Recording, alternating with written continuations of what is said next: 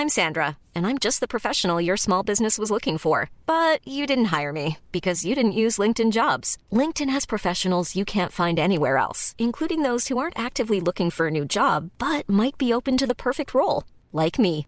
In a given month, over 70% of LinkedIn users don't visit other leading job sites. So if you're not looking on LinkedIn, you'll miss out on great candidates like Sandra. Start hiring professionals like a professional. Post your free job on linkedin.com/people today. Hey, it's Ryan Reynolds, and I'm here with Keith, co star of my upcoming film, If, only in theaters, May 17th. Do you want to tell people the big news?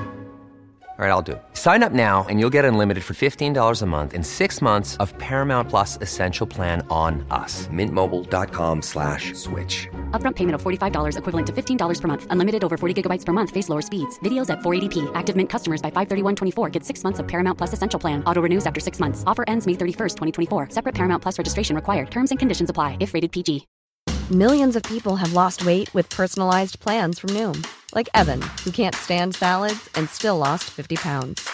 Salads, generally, for most people, are the easy button, right? For me, that wasn't an option. I never really was a salad guy. That's just not who I am. But Noom worked for me. Get your personalized plan today at Noom.com. Real Noom user compensated to provide their story. In four weeks, the typical Noom user can expect to lose one to two pounds per week. Individual results may vary.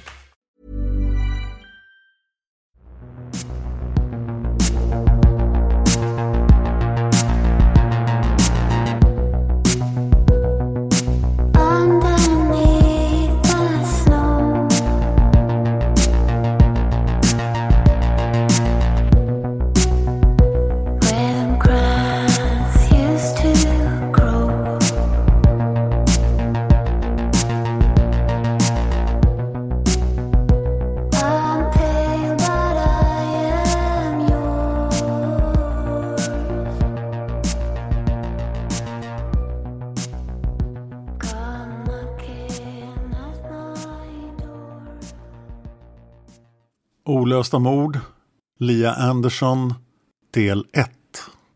Det här avsnittet är skrivet av Ann Kardell, klippning gjord av Eva Martinsson och jag heter Dan Hörning.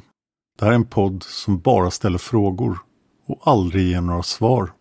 Vad tror du själv? Kontakta oss gärna med dina teorier om fallen som vi tar upp. Kontaktinformation finns i avsnittstexten i din poddapp och i slutet av avsnittet. Det här fallet fyllde precis tio år och det hade vissa effekter på våra avsnitt. Jag och Ann har jobbat i ett och ett halvt år på vad som ursprungligen var ett avsnitt. Men nu blev det plötsligt två. Mer om det i nästa avsnitt. Den här historien utspelar sig i Kanada. I provinsen Manitoba. Där bodde det 2019 ungefär 1,2 miljoner människor. Provinsen Manitoba gränsar mot de amerikanska delstaterna North Dakota och Minnesota i syd. Manitoba gränsar också mot den kanadensiska provinsen Ontario i öst samt Hudson Bay i nordöst. Earl Nelson, The Gorilla Killer, tog jag upp i avsnitt P29 av seriemördarpodden Premium. Gorilla Killer härjade i Manitoba just i slutet av 1920-talet när han mördade 22 personer. Trots att det inte bor så många människor i Manitoba finns det flera seriemördare. Till exempel John Martin Crawford. Han våldtog och mördade minst fyra kvinnor under åren 1981 till 1992. Alla kvinnorna tillhörde Manitobas ursprungsbefolkning. Han fick namnet Lady Killer, men det finns flera seriemördare som kallas för Lady Killer. John Martin Crawford dog under sitt livstidsstraff inom rättspsykiatrin 2020, 58 år gammal. Hans dödsorsak har inte blivit officiell, men man kan ju misstänka covid-19. Och förr eller senare kommer John Martin Crawford i seriemördarpodden. Lia Anderson föddes 1998 i den lilla staden Thompson i Manitoba. När jag säger liten så menar jag drygt 10 000 invånare. Men vi kommer snart till ett väldigt mycket mindre samhälle. Vi vet inte vilken månad eller vilket datum Lia föddes, men jag misstänker att det är i början av januari. Vad vi vet är att Lia växer upp med sin mamma Sally Anderson, pappa Gilbert Duke, lilla syster Angel och stora syster Tiffany. Det kan finnas fler syskon, men det är de vi känner till. Familjen har rötter från ursprungsbefolkningen och då speciellt ursprungsbefolkningen Cree. Denna ursprungsbefolkning finns i Nordamerika och många av dem bor längs kusten av Hudson Bay. Cree är den största gruppen av First Nations i Kanada. Men de finns även i USA. Hela vägen från Klippiga bergen till Atlanten i både Kanada och USA. Deras språk var förr det mest talade språket i nord norra Nordamerika och in i Kanada. Idag talar dock många franska eller engelska istället av naturliga orsaker. Cree är den största ursprungsbefolkningen i Kanada. Det verkar finnas totalt ungefär 200 000 Cree i Kanada och 150 000 i USA. Lia och hennes syskon får tyvärr en ganska tuff start i livet. Deras pappa, Gilbert Duke, blir mördad 2003 när Lia bara är fem år gammal. Gärningsmannen hittas men döms bara för dråp. Det finns inte mycket information om mordet på Lias pappa. Till exempel vet vi inte motivet. Lias mamma Sally satsar på en nystart för familjen efter det tragiska dödsfallet. Hon flyttar med barnen till Winnipeg. Det är huvudstaden i Manitoba och där bor över hälften av befolkningen, runt 700 000 människor. Det är alltså inte den lilla staden jag nämnde tidigare. Mamma Sally kämpar med sorgen efter sin make men hamnar snart i missbruk av alkohol och narkotika. Situationen blir sämre snabbt och snart kopplas socialtjänsten in och de placerar syskonen i ett fosterhem. Lia försöker trots allting att ha en positiv syn på livet och inte förlora hoppet. Barnen bor under de kommande två åren i inte mindre än 13 olika fosterhem. Vi är inte säkra på om Lia och hennes syskon under placeringen alltid bodde tillsammans eller om de möjligen bodde åtskilda i olika familjehem. Barnens moster och morbror, Myra Anderson och Wayne Ockemov, får under 2005 till slut nog av alla fosterhemsplaceringar av barnen. De känner sig oroliga över hur syskon egentligen mår av att flytta runt mellan olika fosterhem. Därför bestämmer sig Myra och Wayne för att ta emot barnen själva. Om barnen flyttar hem till dem så slipper de flytta runt till fosterhem och det är ju deras släktingar. Så de måste kunna ta hand om dem bättre än vad slumpmässiga fosterhem kan göra. Myra och Wayne öppnar upp sitt hem i God's Lake Narrows för Lee och hennes syskon. Där hoppas de att barnen ska få komma till ro och äntligen få rota sig på en permanent trygg plats. Lia är sju år gammal när hon tillsammans med sina syskon flyttar in hos moster och morbror i God's Lake Narrows. Det här är i nordöstra delen av Manitoba. God's Lake Narrows är det lilla samhället jag talade om tidigare. Det är ett väldigt isolerat samhälle och ett reservat för folkgruppen Cree. Ett reservat är som du säkert vet ett avsatt område för en ursprungsbefolkning.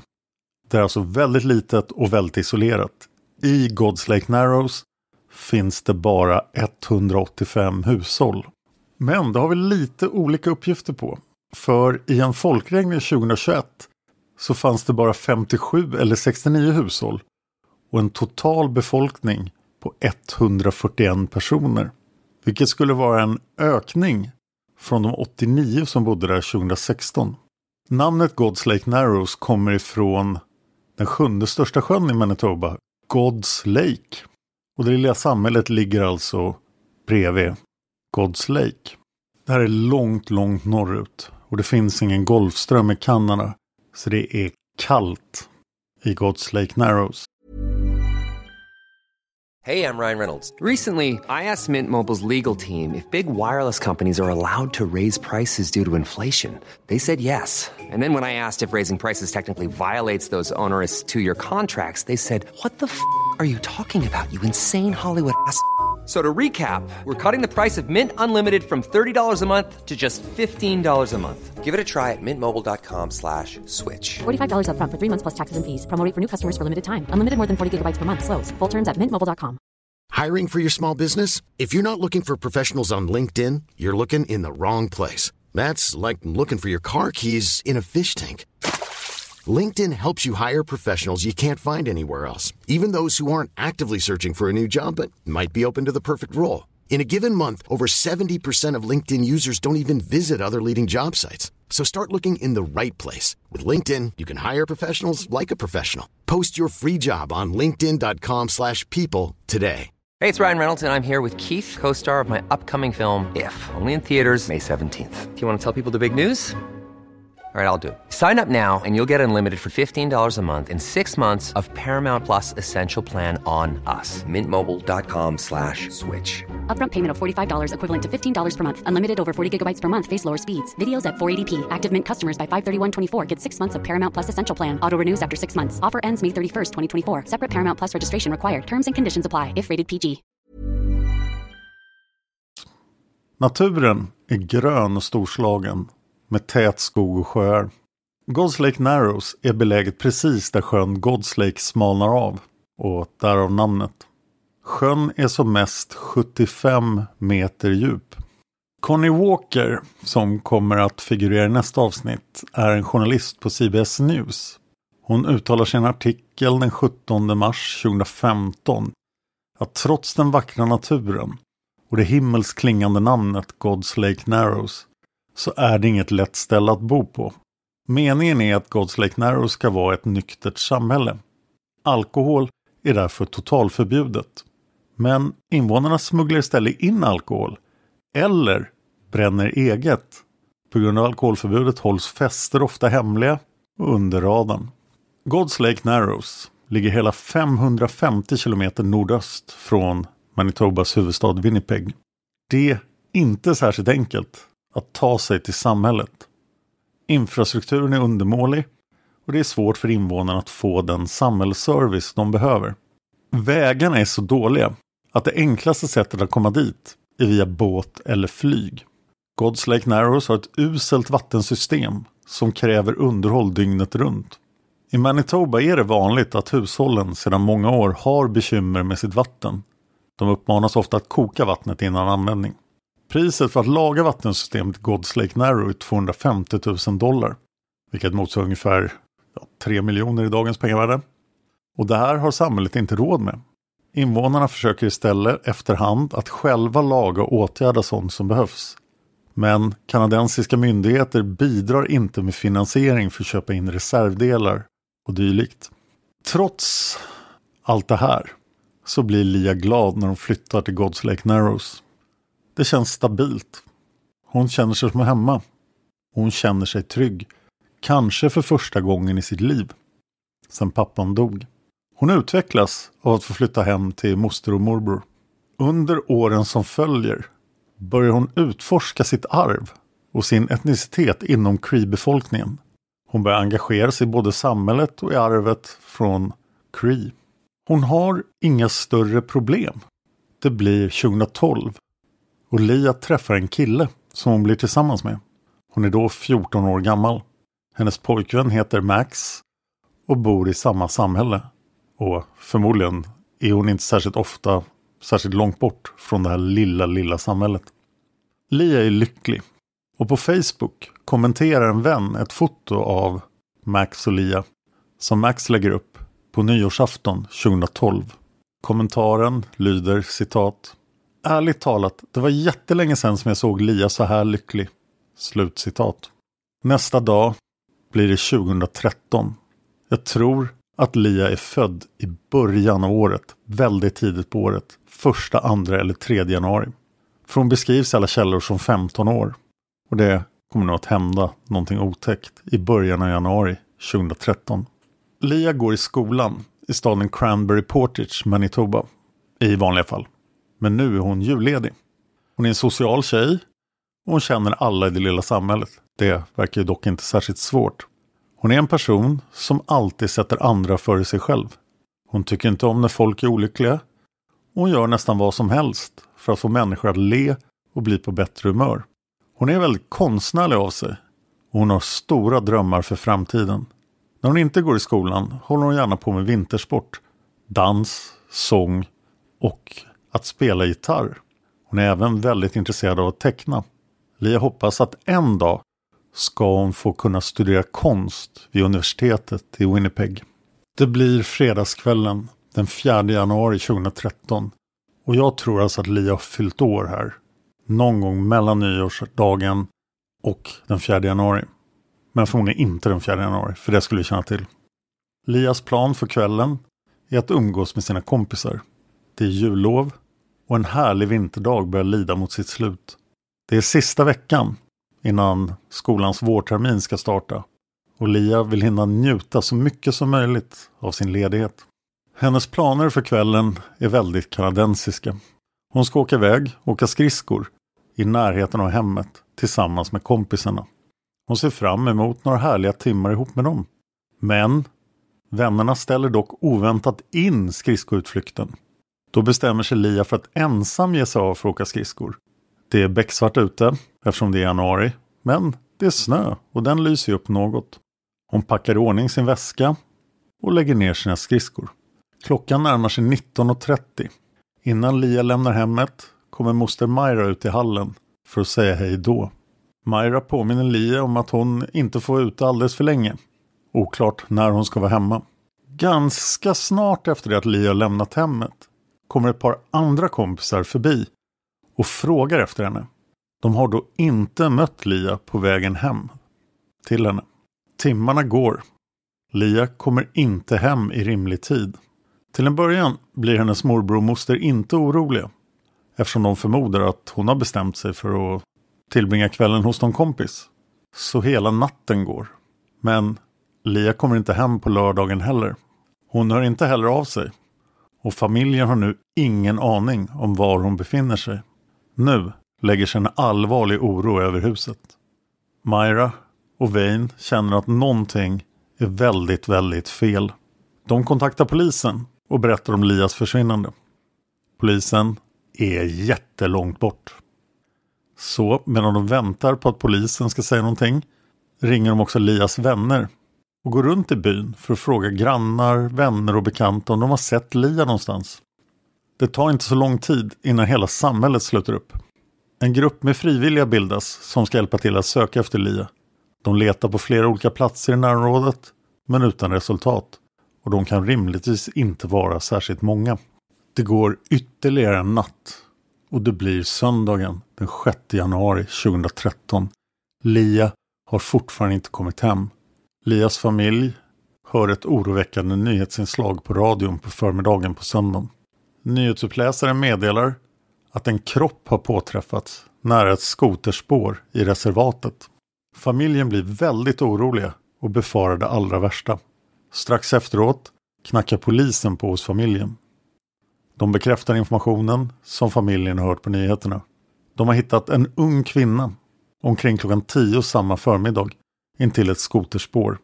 De är dock inte 100% säkra på att det är Lia, även om det är väldigt troligt eftersom ingen annan är försvunnen i området. Kroppen är så illa skadad att polisen först misstänker att det är vildhundar eller vargar som åsamkat skadorna. Eller möjligtvis björnar.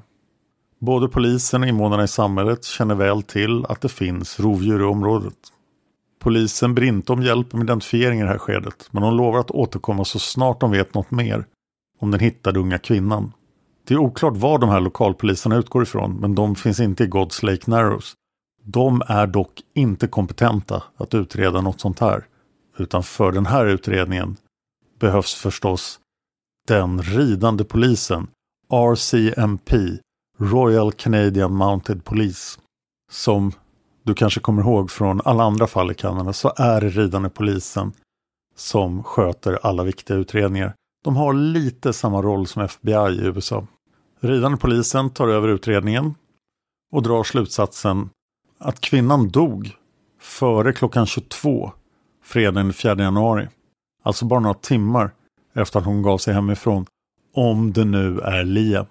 De tror också att gärningspersonen har dumpat kroppen vid skoterspåret och att fyndplatsen alltså inte är samma plats som hon mördades på. Ett kraftigt snöväder bryter ut samma dag som kroppen hittas och försvårar arbetet med att söka efter spår. Trots snöyran lyckas polisen hitta några tillhörigheter nära fyndplatsen som de tror kan tillhöra den döda kvinnan. Polisen tar sig återigen hem till Lias familj och visar upp en mössa de har hittat. Det är inte Lias mössa. Familjen pustar ut för en sekund. Men då visar polisen upp en sko och en väska. När Lias lilla syster Angel får se dem känner hon genast igen dem.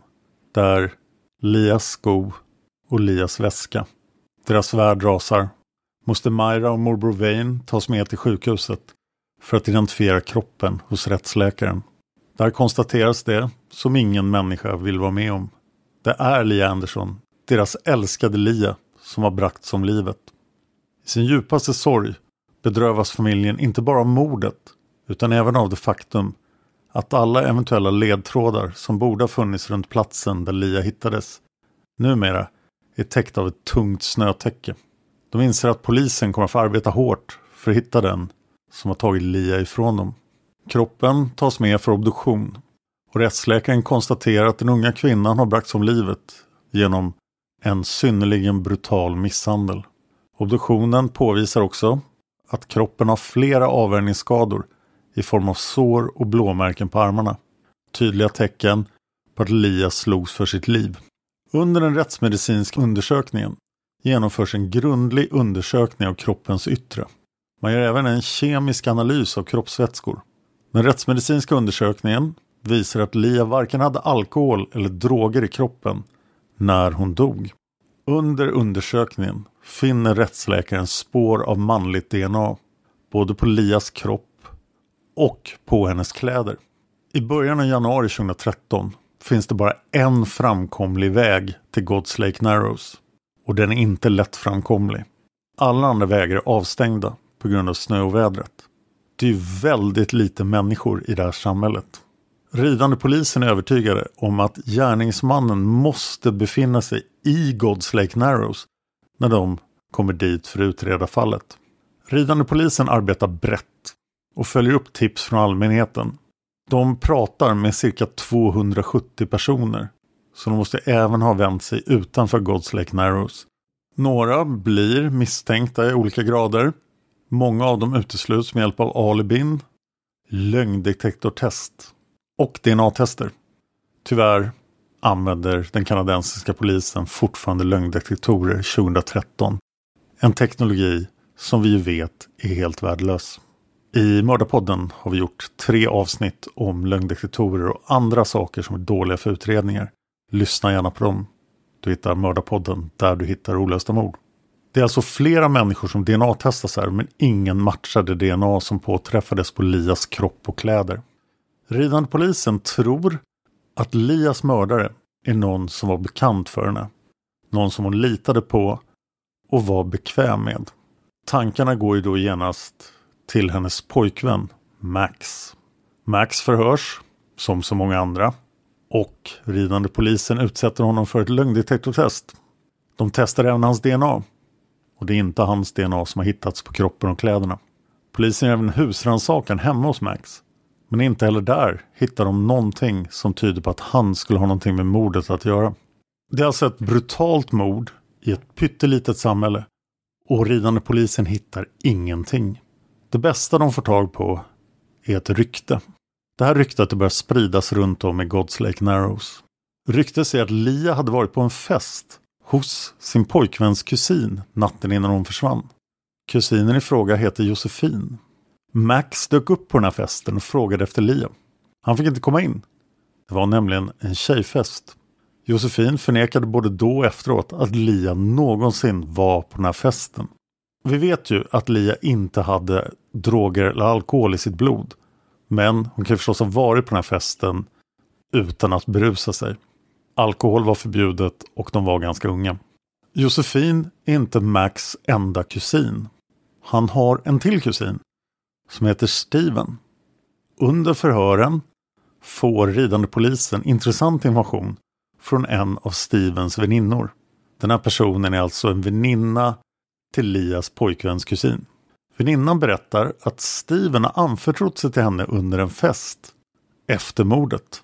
Steven ska då ha sagt att han hade mördat en tjej. Han berättar aldrig vem offret var eller var det skulle ha hänt. När väninnan ställde frågor om det svarade Steven att det var inte någonting som hon skulle bry sig om. Ridande polisen blir nu väldigt intresserade och tar in Steven på förhör. De frågar honom om det var Lee han menade i samtalet med sin väninna. Dessutom tar de hans DNA och kontrollerar honom med ett, ja, du gissade det, lögndetektortest. Stevens DNA matchar inte det manliga DNA som tidigare hittats på Lias kläder och kropp. I samband med förhöret hos polisen medgav Steven dock att han och Lia hade ett hemligt kärleksförhållande. Förhållandet ska dock ha tagit slut några månader innan Lia mördades och innan hon började dejta Max. Dessutom lyckas ridande polisen lista ut att samma dag som Lia försvann skickade Steven ett meddelande på Messenger. I meddelandet skrev Steven att han hoppades på att Lia inte skulle avslöja deras relation för någon eftersom den var hemlig. Okej, Stevens DNA matchade inte. Han hade kanske pratat om ett mord någon gång men det medgav han inte. Och han erkände sitt hemliga förhållande med Lia vilket förklarade meddelandet på Facebook som då olägligt kom samma dag som Lia försvann. Polisen avskriver Steven från utredningen. Jag finns på Twitter, Youtube och Instagram. Följ mig gärna där. Jag heter Dan Hörnings, är lätt att hitta. Youtube-kanalen är en av de minsta av mina Youtube-kanaler från den tiden när jag var Youtuber. Den är inte så spännande. Men på Twitter och Instagram försöker jag vara aktiv. Det går inte heller så bra. Men du kan också kontakta oss via e-mail. Och Det är dit du helst ska skicka dina teorier om fallen som vi tar upp. Du kan alltså skicka in dina teorier om alla fall vi någonsin har tagit upp. Har du lösningen på Jogtse? Skicka in den till simwaypodcast.gmail.com Simway med Z. En av Sveriges och Norges mest framgångsrika författare räknat i antal sålda böcker någonsin är Margit Sandemo. Hon gick tyvärr ur tiden 2018. Men innan dess hann hon vara min författarmentor. Och jag driver sedan 2015 en podd om hennes böcker. Det gör jag tillsammans med Anna Erlandsson och podden heter Sagan om Isfolket-podden. Det är en av mina svåraste poddar att göra eftersom inför varje avsnitt läser jag och Anna en av Margit Sandemos böcker. Hon skrev väldigt många böcker. Men hennes mest kända verk är just Sagan om Isfolket.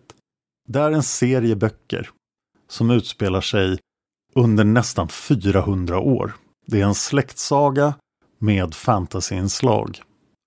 Och den utspelar sig huvudsakligen i Norge men också mycket i Sverige.